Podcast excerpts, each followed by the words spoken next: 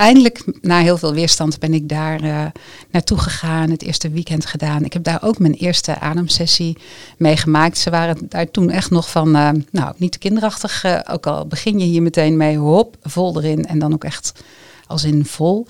Dus ik vond die ademsessie afschuwelijk. Ik, ik trad uit mijn lichaam. Ik was, mijn lijf was één grote kramp. En ik als, ja, ik zeg nu ik, maar het andere deel van mezelf scheerde uh, door uh, de blauwe lucht uh, zo hard mogelijk.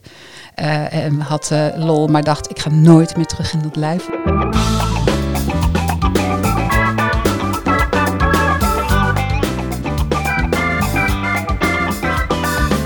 Welkom bij de negende podcast van de Verhalensmeders. En vandaag hebben we een speciale gast, Jacomijn Kruisbrink. Welkom Jacomijn. Dankjewel. En Jacomijn heeft heel veel rollen als ondernemer, moeder van twee pubers, alleenstaand en een hele mooie missie. Mensen die met verlies te maken hebben, de kracht te geven om met ademen, zodat ze er uiteindelijk beter uitkomen. En dan is er uh, nog iets bijzonders, want Jacomijn behoort tot de 1% van de wereldbevolking met het Human Design Reflector. Nou, wat doet dat voor haar en in haar leven? En uh, daarna hebben we dus rond de helft van ons interview een wisseling met uh, Linda uh, Brandwijk, BG5 Business coach. En die gaat met haar bespreken naar aanleiding van wat ze gehoord heeft, wat er in haar design duidelijk wordt, maar ook hoe de energie van vandaag is. Dus ik ben benieuwd. heel benieuwd of je dat gaat herkennen. Welkom Jacomijn. Dankjewel Lia. En de eerste vraag is altijd een korte voorstelronde. Ik heb al iets verklapt, maar wie ben je en uh, wat doe je in het dagelijks leven op dit moment? Ja, nou, mijn naam is, uh, is Jacomijn, Jacomijn Kruisbrink. Um, en um, ja, wat doe ik in het dagelijks leven? Je zei al, ik heb een heleboel uh, rollen. Um, maar uh, naast mijn betaalde baan, die ik nog vier dagen in de week doe, ben ik ook ondernemer en ben ik ademcoach. En leer ik mensen de kracht van, van ademen ontdekken in, in, nou ja, in alle facetten die, daar, die daarbij spelen. Ja, mooi om te horen. Ja, en een van de eerste vragen die ik ook altijd stel aan, aan de gasten die er zijn, is van waar heeft je wiegje gestaan en, en hoe was je leven? Want ja, we hebben vaak niet de keuze van waar ons wiegje staat en het lot overkomt je. Dus ik ben even heel benieuwd van uit welk nest kom je? Ja, ja, um, nou, mijn wieg heeft uh, gestaan in Utrecht. Uh, daar ben ik uh, geboren als oudste dochter. Um, vrij, nou een paar jaar later zijn we, toen had ik inmiddels ook een broer. Ik heb twee broers na mij nog. Eén broer vrij kort na mij. we zijn verhuisd naar, naar Boekelo, naar het oosten van het land. Daar ben ik, ben ik getogen. Um, en ja, een, een, een fijne jeugd gehad. Er was veel mogelijk. Mijn vader werkte hard en veel. Um, dat had ook wel eens een weerslag op, um, nou ja, hoe die in het leven stond. Mijn moeder was, uh, was altijd thuis en zorgde veel voor ons. En uh, nou, die twee verschilden ook best, uh, best wel eens. Mijn moeder nou, is een creatieve, leuke, energieke vrouw. En mijn vader is vooral ook, of was, want hij is overleden al tien jaar geleden, plichtsgetrouw. Um, eerst je plicht en dan de rest. Um, en we zijn heel beschermend opgegroeid met ons drieën thuis. Uh, dat betekende dat ik als meisje, als oudste dochter, niet zo heel veel mocht en heel veel uh, moest, met de beste bedoelingen natuurlijk. Maar nou, dat heeft, heeft me ook wel, ja, dat heeft me ook gevormd. Dus ehm, als oudste denk ik dat je altijd wel zorgzamer bent en een beetje regelt dat alles uh, goed gaat. Ja, klopt. Positie in een gezin is heel belangrijk. Hè? Dus, ja. Uh, ja. ja. de oudste krijgt uh, de minste aandacht en moet het meest. En de jongste krijgt de meeste aandacht en moet het minst, heb ik eens gelezen. Ja, en dat vinden de oudste dan echt enorm erg naar de jongste. Ja, en de jongste die, die vindt dat altijd ik herken dus het. Die dynamiek is wel ons thuis ook. Ik kan het overigens heel goed vinden hoor, met mijn broers. Ja, maar die herken ik ook. Ja. uh, ik heb een jongere broer, dus uh, daar speel okay. En die, die, zes jaar. En ik herken het bij mijn eigen kinderen, die vinden dat natuurlijk ook. Dus, ja, uh, oh, grappig. Ja, ja dat, ja. Blijft, dat blijft zo gaan. Je plek in het systeem. Hè? Ja.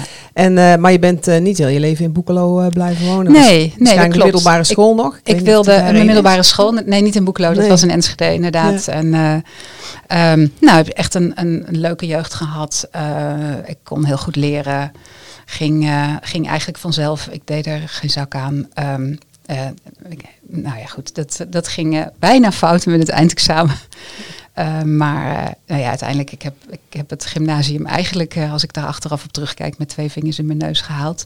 Het lastig is wel dat je dan ook niet zo goed leert om te leren. Dat je niet zo goed leert om ergens in te falen en je best te doen. Dus uh, nou, dat, uh, dat heb ik daarna in mijn leven nog wel een paar keer uh, alsnog de kans gekregen om te leren. Niet helemaal vrijwillig, altijd. Ja, precies. Maar, ja. ja. Daarna ben ik gaan studeren in Utrecht. nou, ik, ben eerst gaan studeren in Breukelen. Ik ben een jaar op Nijrode gezeten. Dat was de eerste keer echt falen. Want daar haalde ik niet, niet hoog genoeg, althans ik had geen economie gehad, dus ik snapte er gewoon geen bal van. Nee, en je had ook nooit geleerd hoe je moest leren. Nee, en leven op een campus, um, een jaarclub, uh, uh, de dynamiek, uh, zeker daar, omdat natuurlijk alles gebeurt, gebeurt daar bij elkaar. Dus dat, um, nou, dat betekende dat ik voor het einde van het jaar, in het voorjaar, mijn, mijn biezen mocht pakken. En nou, dat was schrikken, want het was de eerste keer dat ik echt faalde. Dus, en hoe ehm, voelde dat? Wat deed dat? Ja, dat, dat, dat, nou, daar had ik allerlei excuses over waarom het niet aan mij lag. Maar ik had natuurlijk ook meer uh, kunnen doen. En uh, ja, en ik vond het vooral ook uh, het verliezen van, uh, voor mijn gevoel, de waardering van mijn ouders. Dat ik dacht van, nou, als het goed gaat, dan, dan telt het. En als, ik, en als het mislukt, dan telt het opeens niet. Dus, en dat dat is niet zo. Dat is natuurlijk mijn eigen verhaal wat ik ervan gemaakt heb. Precies, ja. Maar um, dat, dat is denk ik wel iets wat ik uit mijn jeugd um, mee heb genomen als overtuiging. Uh, je moet ergens heel hard voor werken. Uh, dat, dat zit natuurlijk ook een beetje dat plicht van mijn vader erin. Uh, als je een acht had, dan kreeg je toch de vraag waarom het niet een negen was. Um, en de intentie daarachter is, is absoluut oké. maar dat, dat het niet goed genoeg zijn, Um, en beter je best doen uh, en niet falen. Um, dat, ja, dat is wel een rode draad uh, door mijn leven geworden. En, uh, nou, en, en, een paar keer goed. En een paar keer goed, ja. Want, dat is inderdaad ja. hè, een overtuiging die je dan hebt. Hè. Ik herken hem. Ja. En dat is misschien van mijn ouders ook wel uit die tijd. je moet hard werken, want anders is het niet de moeite waard. En uh, wat je kunt, uh, moet je doen, of je het nou leuk vindt of niet. Ja. En heel erg dat het, het, het punt, de prestatie, als bijna op identiteitsniveau ja, lag. Absoluut. Als je een zes hebt, ben je niet goed genoeg. Nee, dan had je beter je best kunnen doen. Zeg niks over jou als persoon. Dus ik herken hem ook. Hè, van het, het is een uh, levenshouding. En, en het is ook, kijk, later, vanaf tot mijn dertigste ben ik daar heel erg in blijven hangen. 8, 29.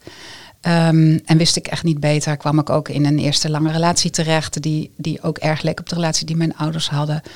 Um, met een ja, dominante man die gewoon vond dat, die, dat het zo ging en niet deed wat hij leuk vond. En, en ik sloot aan, al dan niet mokkend. Um, ja, zo ging dat uh, thuis. En, en zo deed ik dat dus ook. Uh, het heeft echt een hele tijd geduurd voordat ik daar um, zelf verantwoordelijkheid in ging nemen. En dat ik dat ik kon zien dat dit maar een verhaal is en dat er daar buiten nog, nog allerlei andere Dat was volstrekt ondenkbaar voor me. Ik, ik, denk wel dat dat ook vanuit het beschermde, hoe ik opgevoed ben, maakt dat ook dat je uh, dus ook heel, heel erg je best gaat te doen. Om gezien te worden, om waardering te krijgen, om de beste dochter te zijn, om de oudste te zijn die alles. En je was kan, ook maar alle de complimenten. Enige ik was ook de enige. ja. ja, en, en daarmee. Um, heb ik later wel gemerkt dat ik mijn eigen identiteit volstrekt niet heb uh, geleefd en ontwikkeld. Daar werd je ook niet um, in gestimuleerd. Je werd gestimuleerd om te doen waarvan je ouders uh, wisten van nou als je dat doet dan um, gaat jouw pad waarschijnlijk wat makkelijker lopen. Dus uh, nou, en ik ben daar echt ja, mezelf daar helemaal in kwijtgeraakt. Dacht ik toen. Later heb ik natuurlijk ook wel, en ik ben ook heel benieuwd wat Linda daar zo meteen over te zeggen heeft. Want ik ben voor mijn gevoel mijn hele leven zoekend geweest. Eigenlijk tot, tot een jaar of twee, drie geleden. Naar, um, ja, wat vind ik nou zelf? Wat, waar, wat is nou intrinsiek? Komt er nou van mij? Wie ben jij nou? Wie ben ik? Ja, ik had nooit idolen. Ik uh, vond uh, alles uh, leuk. ik kon ook eigenlijk alles wel. Ik was nergens supergoed in. Of ik was in een heleboel dingen behoorlijk. Ik denk dat veel mensen vonden dat ik in heel veel dingen heel goed was. Maar ik had altijd het gevoel van ja, Weet je, alles gaat eigenlijk wel. Maar wat, waar word ik nou blij van? Ik zou echt willen dat ik wist mijn hele leven lang, ik wil dokter worden. Mijn vader was, uh, was arts. Dat wilde ik overigens wel. En ik denk dat ik uh, wel een goede dokter had kunnen worden. Maar toen kreeg ik scheikunde en hij zei, nee, dat is geen vak van een meisje. Dat moet je niet doen. En straks ga je trouwen en kinderen. En dat kan helemaal niet met, met zo'n vak. Dus, uh, en toen kreeg ik scheikunde en toen dacht ik, oh, hier moet ik voor werken. Nee, laat maar zitten. Ik ga wel wat anders doen. Want er werd toch al gezegd, daar heb je Dat was aan. toch niet. Ja. Nee, en, en gewoon dat... dat, dat voeden vanuit binnenuit. Van dit is wat ik wil. En uh, dit ga ik dus toch doen. Ook al word ik tegengewerkt. Uh, ja, dat zat, er, dat zat er heel lang niet in. Pas rond mijn dertigste, na die, die lange relatie. Um, waar ik, uh, nou ja, we hebben de studententijd. Um, ik had al die vanaf mijn zeventiende tot mijn 28ste heeft die relatie geduurd. En toen studeerde um, je al in Utrecht? Ik studeerde in Utrecht, hij in Amsterdam. We hebben die, dat, dat, dat is uh, nou, dat is in stand gebleven. Um, ik denk dat ik daar ook heel veel in gedaan heb om daar veel in, te uh, in te investeren en te accepteren ook. niet te moeilijk te doen, want dan, dan was het weg. En er zat gewoon bij mij veel angst in. Ja, ik weet niet zo goed hoe het leven allemaal werkt en dit snap ik, dit ken ik. Dat was toch een soort basis waar je dan. Ja, op, het was ja. een ideale, maar je wist in ieder geval wel wat je had. Nee, en er was ook, en er was ook een hele, er was ook heel lang een heleboel wel leuk, hè. Ja. Maar, maar er was ook wel veel waarvan ik wel voelde, het past eigenlijk niet en ik zou wat anders. Nou, toen ik uiteindelijk wegging, zei ik ook wel van, als ik nu niet ga, dan ben ik straks alleen nog maar vriendin van, vrouw van, straks moeder van, ja. dochter van. Maar dan weet ik mijn eigen naam niet meer. Dat was ongeveer wel. Um, nou, er was wat meer aan de hand, maar in ieder geval, ja. dat was vanuit mij uh, ja. wel wat ik en voelde. Had je toen al kinderen? Of nog nee, nee, nee. Toen was ik uh, net nog geen dertig. En ik had altijd gedacht, nou, mijn dertigste ben ik getrouwd. En heb ik uh, mijn eerste ja, kind. Dat is, plan je dat? Hè, ja. Het, vroeger uit. Ja, zo, zo, zo ging zo dat. Het ja. in de familie. Nou, dat was het niet. En mijn beste vriendin, die, die ging toen um, naar, naar Venwoude. Uh, dus uh, een centrum voor uh, persoonlijke ontwikkeling, emotioneel lichaamswerk is, is wel een grote basis. Nou, en ik was op dat moment echt alleen maar hoofd. Dat lijf, dat deed niet zo mee. Um, helemaal niet zelfs. En gevoel en emoties, dat vond ik ook wel wat lastig. Um, ik kon het vooral heel goed beredeneren en dat was mijn, mijn oplossing.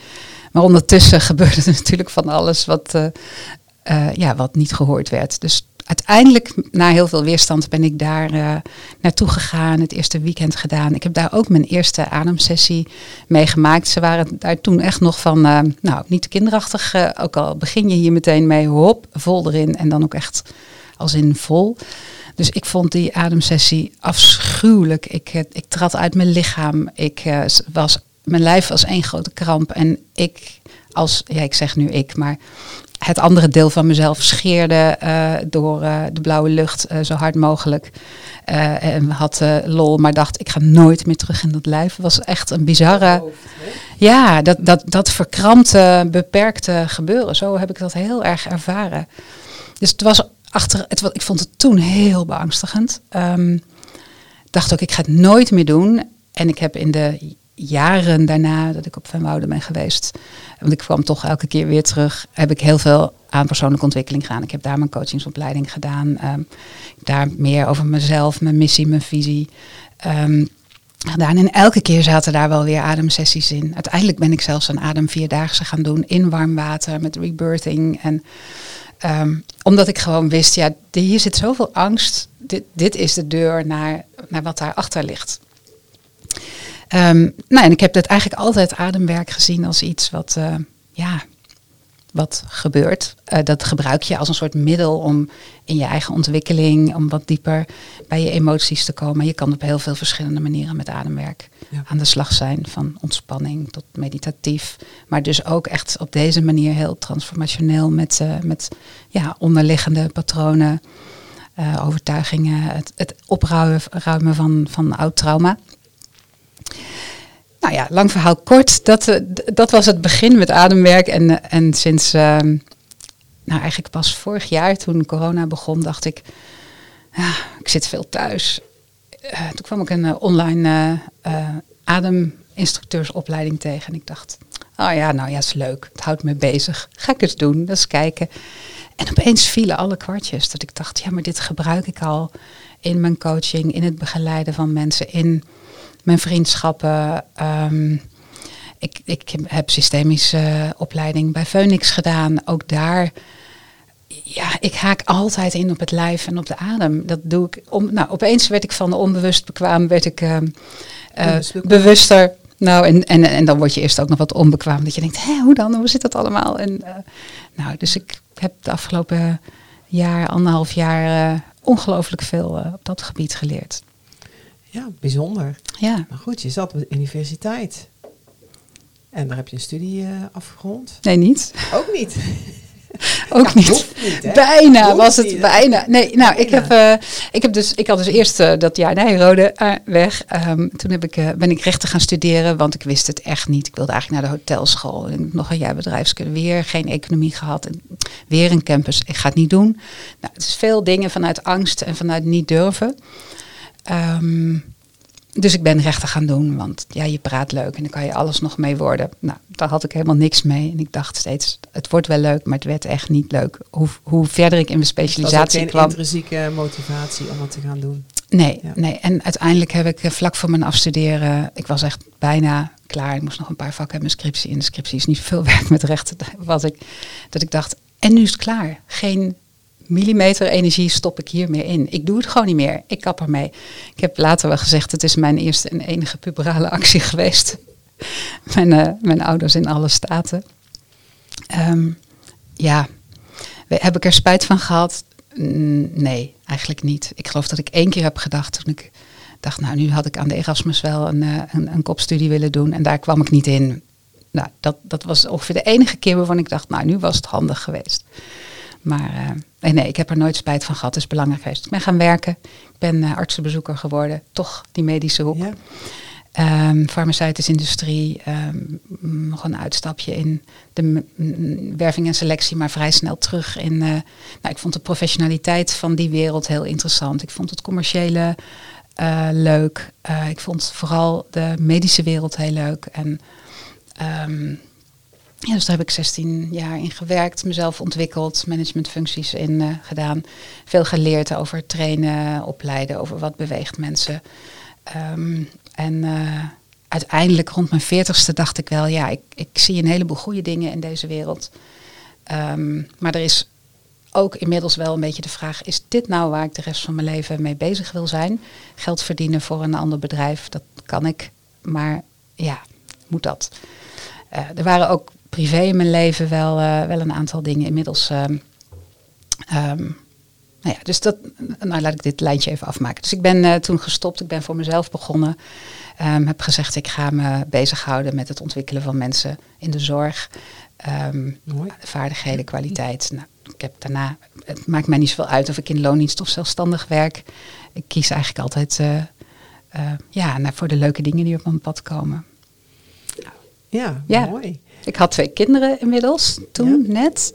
Heel jong. Ik heb laat uh, kinderen gekregen. Um, nou, de reden daarvoor was ook wel iets wat wel heel bepalend in mijn, uh, in mijn leven is geweest. Um, na die, uh, die eerste lange relatie rond mijn dertigste en persoonlijke ontwikkeling... leerde ik een man kennen met wie het echt op eerste moment direct klikte. We, we keken elkaar aan en Um, ja, dat was op een vakantie op een vliegveld in Turkije kwamen we elkaar tegen. We gingen naar eenzelfde, we gingen op een boot zo met zo'n groep mensen varen. En um, ja, we keken elkaar aan en, en hadden zo'n klik. En nou, technisch gezien had hij een vriendin, dus dat, dat, en, en ik had geen behoefte aan een relatie. Dus we hebben de hele week naast elkaar op het dek geslapen, hand in hand. En iedereen zag ons als stel, maar we, wij hebben daar verder uh, helemaal niets mee gedaan, nog niet uh, gezoend. Maar we, waren onafscheidelijk, dat wel. Weet je. Dat was echt het gevoel van mijn soulmate. We stoppen niet meer met praten. We hebben van alles met elkaar uh, te delen. Nou, en toen, toen we terug gingen, was ook eigenlijk meteen die relatie over. En zijn we, zijn we onafscheidelijk gebleven. Een hele tijd. Um, hij trok eigenlijk meteen bij mij in. En um, nou, zijn een aantal jaren echt super gelukkig geweest. Het was een volstrekt ander iemand. Weet je, ik, ik was inmiddels um, uh, was ik, ik was heel erg bezig geweest mezelf te bewijzen. Dus ik wilde een ton verdienen, toen nog in guldens. En ik wilde een zwarte BMW. Um, en ik wilde alles zelf en bewijzen dat ik het kon. Nou, dat, ehm, oké. Een bepaalde definitie Het- van succes. Het werd een zwarte Audi en dat was ook. En toen ontmoette ik hem en hij was journalist en hij had geen rijbewijs en hij fietste op een Kronan-fiets in Amsterdam. En eh, nou, het, was, het was zo anders dan anders en toch hadden we die enorme klik. Dat, ehm, nou, we zijn de hele tijd gelukkig geweest en het was ook, uiteindelijk werd het ook wel lastig in, eh, in die relatie van hoe gaan wij verder? Gaan wij samen verder? Word ik dan ehm, eh, kostwinner en, ehm, eh, en, en eh, carrièrevrouw. En, en hij zei, ja graag, dan blijf ik lekker thuis en dan doe ik de kinderen. En eh, nou, dat was echt een ingewikkelde keuze voor ons. En in de tijd dat we ook echt even pauze moesten nemen. ehm, en nou ja, dit, dat was gewoon een, een heftige, pittige tijd. We hebben een aantal weken elkaar ook niet gezien. Weer even allebei weer op, op eigen benen staan en voelen van... Ja, hebben we dit nou samen te doen of niet? En in de gesprekken die daar volgden ehm, hadden wij wel zoiets van... Ja, we hebben het toch samen te doen. Ehm, maar ik deed een opleiding eh, op dat moment en ik moest eh, afstuderen, presentatie eh, doen en, en dat afronden. Dus we hadden zoiets van, nou dat doen we dan daarna wel. En een week voor, ehm, eh, daarvoor kreeg ik s s'nachts een telefoontje dat hij in een ernstig auto-ongeluk terecht was gekomen met vrienden van hem. En ja, dat, eh, dat, eh, zag er niet goed uit. En dat, eh, nou, dat was ook zo. Dus ja, zijn familie belde mij ook. En die zei, ja, jij moet hier, jij moet hier ook bij zijn. Nou, dat voelde ook zo. Dat was ook absoluut het geval. Maar ja, dus die, ehm, die heeft dat, nou dat was duidelijk, dat hij dat niet, ging, niet heeft, heeft overleefd. Dus ehm, toen was ik 33 en toen zag mijn leven er opeens volstrekt anders uit. Ja, het klinkt eh, heel heftig op dit Ja, moment. nou dat was het ook. Ja, Ja. en eh, zeker omdat Wouter aangaf van nou, hè, onze regisseur van eh, we gaan, we We gaan afronden. Nu. doen. Oh, gaan dat heb ik helemaal gemist. Plop ik die erin? Ja. Nee, die is helemaal prima, want die kunnen we gewoon oppakken. En Linda Brandwijk gaat van mij naar u overnemen. Dus dit komt vanzelf nog wel ergens aan Ja. bod als het als Ja, dat is helemaal goed. komen. Het is voor mij inmiddels, ja, weet je, het is wel een van de eh, belangrijke highlights in mijn leven die heel bepalend zijn geweest Ja. voor, eh, voor daarna. Dus ik dacht, nou, ik, eh, Ik zet hem erin. ik zet hem erin. Nou, helemaal goed, want normaal gesproken zijn we halverwege hè, en dan kunnen we hem lekker doorpakken. Ja, Maar eh, deze die komt eh, zeker nog, nog wel terug. Dank je wel alvast. Dan ga ik nu even plaatsmaken voor Linda, die met jou het interview verder neemt. En ook Ik ben heel benieuwd wat ze al gehoord heeft, ja. Of het herkenbaar is. ja. Ja, Jacomijn, dan eh, zit je in één keer tegen een, eh, een heel ander gezicht eh, aan te kijken. En Ja. ik zat net van de afstand mee te luisteren naar jouw prachtige verhaal. En ondertussen natuurlijk druk kijkend naar jouw design. En ik vind het een enorme eer. Ik vind het heel erg leuk om jou als eh, ja, evaluator of reflector eh, tegenover me te hebben zitten. En er zijn eh, ja, wel een aantal dingen die, ja, die me opvielen en die ik je graag wil, wil teruggeven om te kijken van hoe je dat dan ervaart. Want ik had begrepen dat je nog niet heel veel weet over je design. Nee, nee globaal eh, Ja. heb ik, ik, twintig jaar geleden heb ik er voor het eerst wat over gehoord. Toen kwam dat tien jaar later eh, nog eens terug. Maar ehm, ja, ik, ik, ik weet er niet zo heel veel van. En ik merkte ook wel dat het ehm, toen ook niet zo heel goed uitgelegd eh, kon worden. Omdat het toch ja, blijkbaar een design is wat wat minder vaak voorkomt. Zeker, ja, want het is eh 1% van de wereldbevolking. Dus dat is, ja, als je kijkt, hè, ik ben bijvoorbeeld een bouwer, is 70%, ja, die eh, zijn er genoeg. Daar lopen er zoveel voor rond. Hè, maar 1%. En ehm, ik ben ook wel, wel even benieuwd voordat ik nog wat dingen, hè, op dingen ga induiken. Ehm, of je je ook altijd anders hebt gevoeld door je leven heen, ook op verschillende plekken met verschillende mensen. En ook gewoon sowieso, dat je je elke dag eigenlijk wel Ja. anders Ja, voelt. dat is heel herkenbaar. En, en ik heb dat eigenlijk altijd bij mezelf gezocht. Ehm, op het moment dat je met persoonlijke ontwikkeling bezig gaat, ga je ook een beetje snappen hoe dat dan werkt. Hè? Met verhalen in je hoofd die je werkelijkheid maakt, perspectieven, brillen. Ehm, ook vanuit het systemische idee dat ik misschien wel al vanuit mijn historie eh, dingen meeneem. Dus ik heb altijd gedacht, oh ja, dat, dat, eh, ja, dat is blijkbaar iets in mij. Maar ik heb het minder snel, nou ja, ik heb nooit bedacht dat dat ook komt omdat ik een ander design heb. Er vallen wel een aantal kwartjes eh, op hun plek, ja. Ja. Dat is waar. Ja, precies. Want wat me, hè, een van de dingen die eruit kwam, hè, dat je je hele leven zoekende bent geweest en anders hebt gevoeld. Ja, en dat is dus echt letterlijk, kun jij je in de loop van een dag, kun je je anders voelen. En ik heb dus een, uh, een uitdraai meegenomen om je een beetje een idee te geven. Hè, want ik heb hier je design liggen, hè, die je zelf Ja. ook, eh, hè, dat die helemaal open is. Dat betekent dat je dus een evaluator bent. Maar ik heb dus de transit, dus hoe de planeten staan op 7 juni vandaag om half elf, hè, toen eigenlijk de podcast begon. eh, dan is dus de invloed van de planeten is zodanig dat jij je dus, kan inmiddels alweer wat anders zijn, maar dat je dus de beschikking hebt over dit allemaal. En dan ziet het in één keer, Dat ziet er, eh, ziet het er heel anders uit. dat is vrijwel gevuld. Ja, precies. Dus dat betekent dat je nu, en dat is heel, was heel fijn ook voor deze podcast, dat je dus heel goed je, je stem kan gebruiken, dat je vanuit je emoties kunt praten, dat je wilskracht hebt, dat je energie hebt, dat je wel over je, ja, identiteit, richting kunt praten, de drive hebt, overlevingsinstinct hebt, een gevoel van veiligheid hebt en ook heel goed kunt conceptualiseren. Dus daar heb je nu op dit moment de beschikking toe. Oké. Oh, dus dat wisselt dus steeds. Dat wisselt. En dat is dus. Maar dat is voor iedereen, denk ik, of niet? Nee. Oh. Nee. Want alle andere mensen die hebben dus kleurtjes in hun design. Hè, dat kunnen ook soms maar heel weinig zijn. Maar jullie zijn het enige type wat eigenlijk zo beïnvloed wordt door de planeten en wat daarin gebeurt. En dat kun je hier zien. Hier heb je een heel rijtje. Dit ben jij.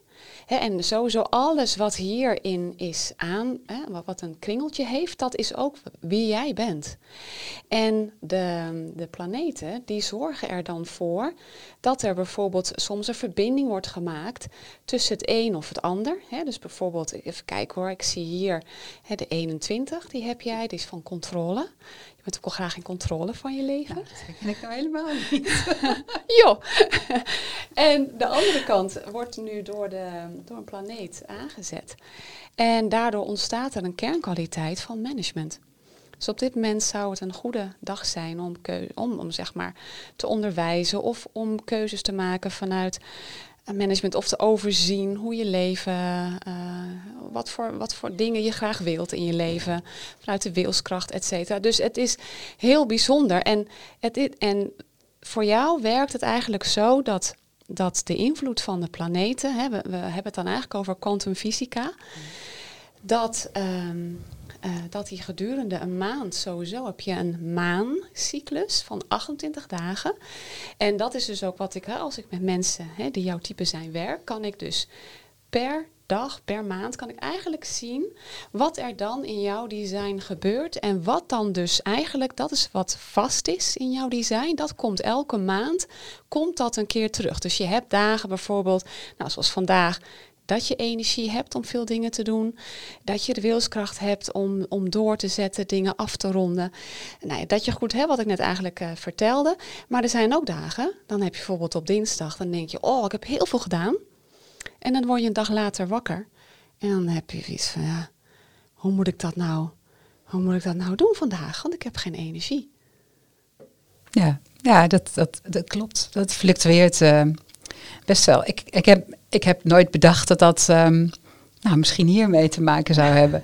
Ik denk dan gewoon, tjoe, kom op, niet zo moeilijk doen. Ja, maar dat werkt dan ook echt niet. Nee. Nee, precies. En dat is wat ik heel erg in je verhaal ook terughoorde. Er is een hele, en er is een openheid. En er is ook een hele erge openheid voor conditionering. En een aantal sprongen er voor mij ook heel erg uit. Hè, bijvoorbeeld, ja, niet goed genoeg zijn, je willen bewijzen. Hè, je ziet ook, hè, ik zei net al, 70% van de wereldbevolking zijn bouwers. Dat is de go, go, go, go energie. En ook hè, als je iets wilt, dan moet je hard werken. En want ja, dat, dat is zeg maar ja, de mores van, eh, van de bouwers. En ehm, als we kijken naar deze functie, hier zit bij jou ook, ehm, die is open. En dat is namelijk, dat is de functie van wilskracht. Maar daar zit ook heel erg, hè, op maar dat open is, dan heb je geen vast gevoel van eigenwaarde. Kun je jezelf heel makkelijk gaan bewijzen. Dus op het moment dat je niet begrijpt hoe dat, hoe dat werkt en dat je dus eigenlijk nooit hoeft te bewijzen. En zeker als evaluator, waardoor je ook heel veel dingen uit je omgeving oppikt. Dus ook de energie van anderen, hoe die met, met hun wilskracht en hun bewijsdrang omgaan. Kun je dat, ja, weet je, dat is ontzettend lastig. Want dan zie je om je heen wat succesvol is, hè, tussen aanhalingstekens. En ga je maar doen wat wat je heel veel mensen ziet doen. Dat is namelijk blind achter iets aanjagen en daarin maar uh, dingen gaan doen. En maar gaan, gaan, gaan, gaan. En daarin uh, continu maar kijken van ja, weet je, ja, hoe, hoe werkt dat? En wat bij jou dan kan gebeuren, is, uh, want je hebt daar wel drie eigenschappen in. Eentje van controle, hè, dus ook wel in controle willen zijn van je leven en van, je, van waar je woont. En dat hoor ik ook terug. Hè. Ik wil zo'n auto, het materiële stuk. En dat is helemaal niet, er is niks mis mee, hè, want we leven in de materiële wereld. Maar ook competitie, de lat telkens hoger leggen. Dus ja, nu misschien een ton.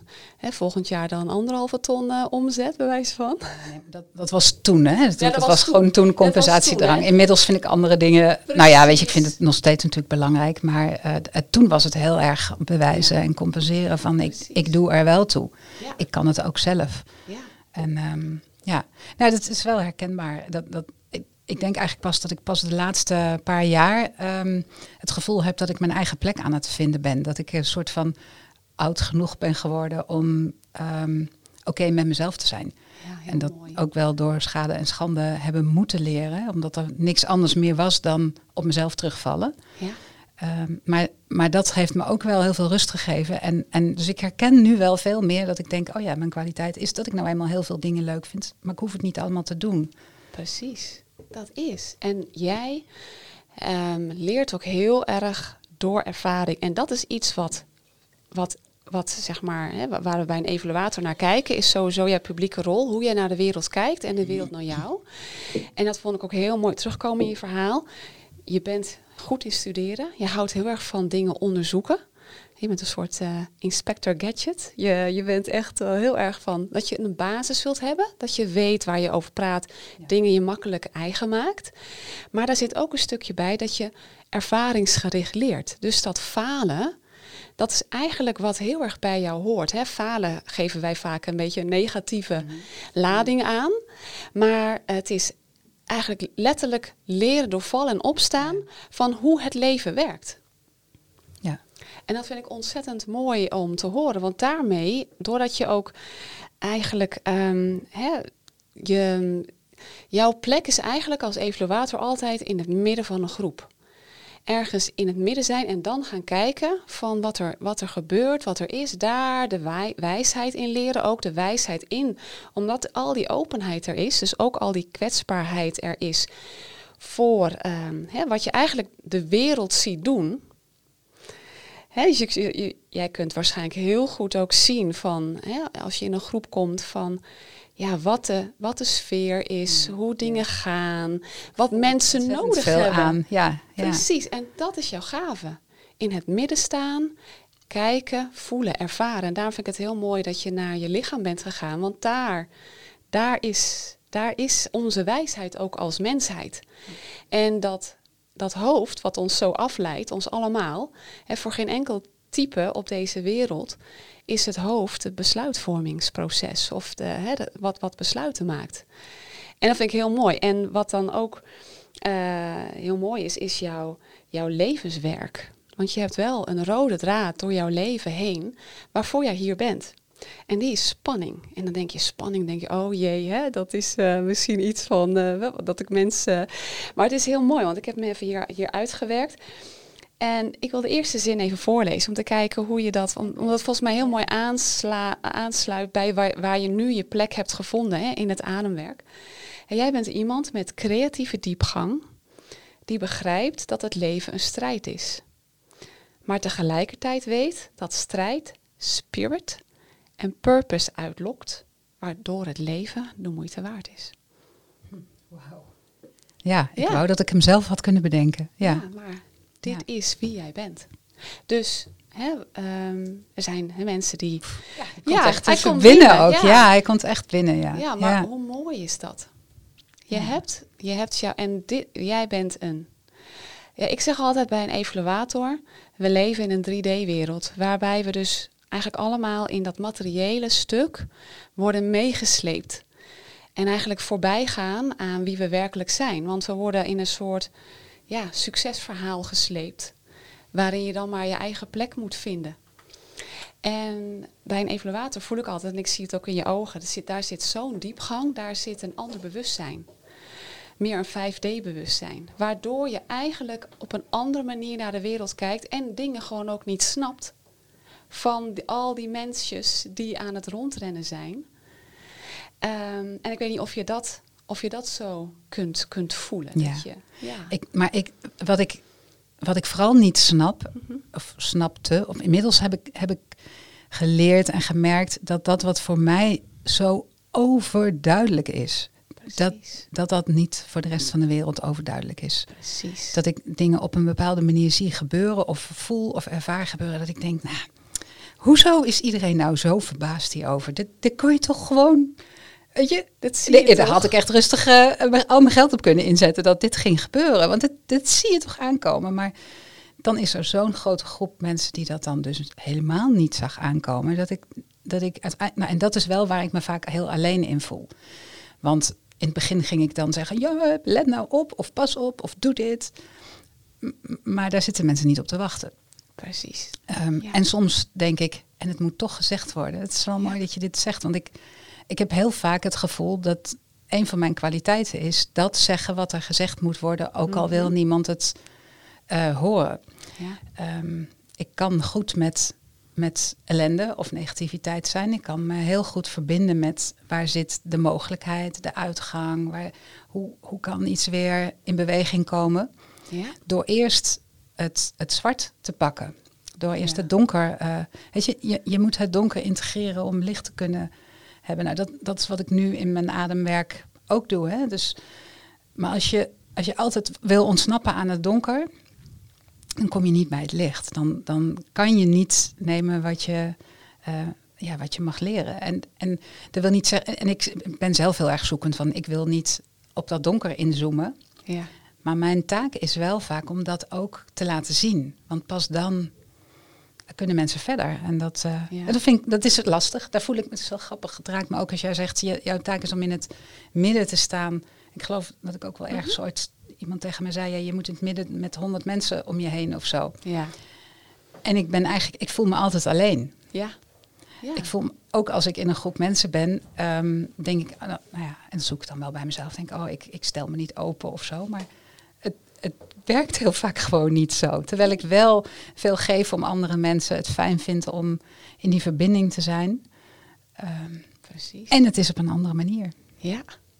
Ja, prachtig om te Ik hoor zoveel mooie dingen. Maar je bent echt hier om ons iets te leren. Jij hebt heel veel wijsheid. En op het moment dat je kunt voelen dat je, hè, dat je, dat je in die zin anders bent, maar heel mooi anders. Hè? Dus niet in de, in de zin van hé, hey, ik moet met bepaalde dingen mee kunnen. Wat ik nu al heel erg hoor. Hè? Dat je, je je plek steeds meer vindt en de rust vindt.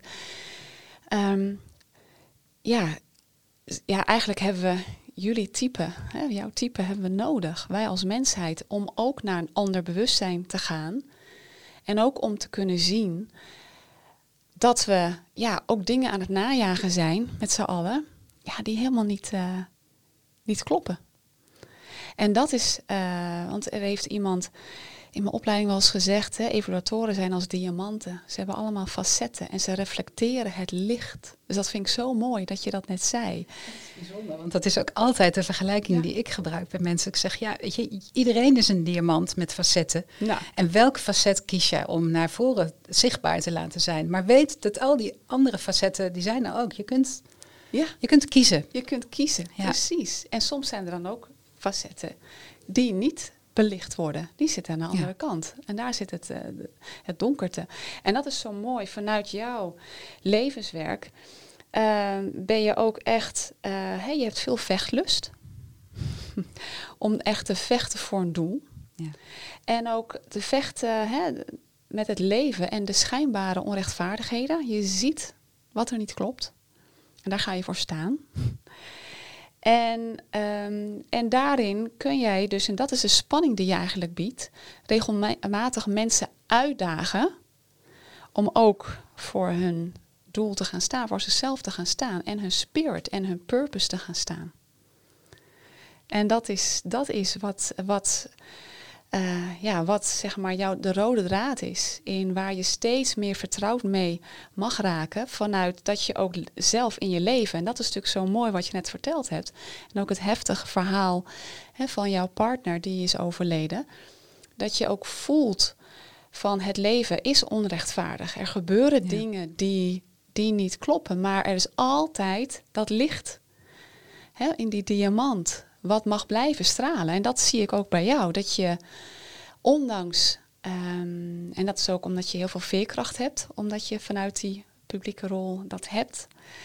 Maar dat je altijd weer kunt zien van hé, hey, uh, maar er is meer. Er is iets groters. Er is, zijn andere dingen. Dat is wat ik heel erg voel bij, ook bij Ja, absoluut. Dat is waar. En die heb ik ook echt wel moeten leren. Want ik ben natuurlijk zelf ook ergens uit dat dat materialistisch en het bewijzen. En ik schiet daar regelmatig weer in terug. En ik wil ook een partner, weet je, dat ik wil ook gewoon mijn hoofd bij iemand neer kunnen leggen en denken.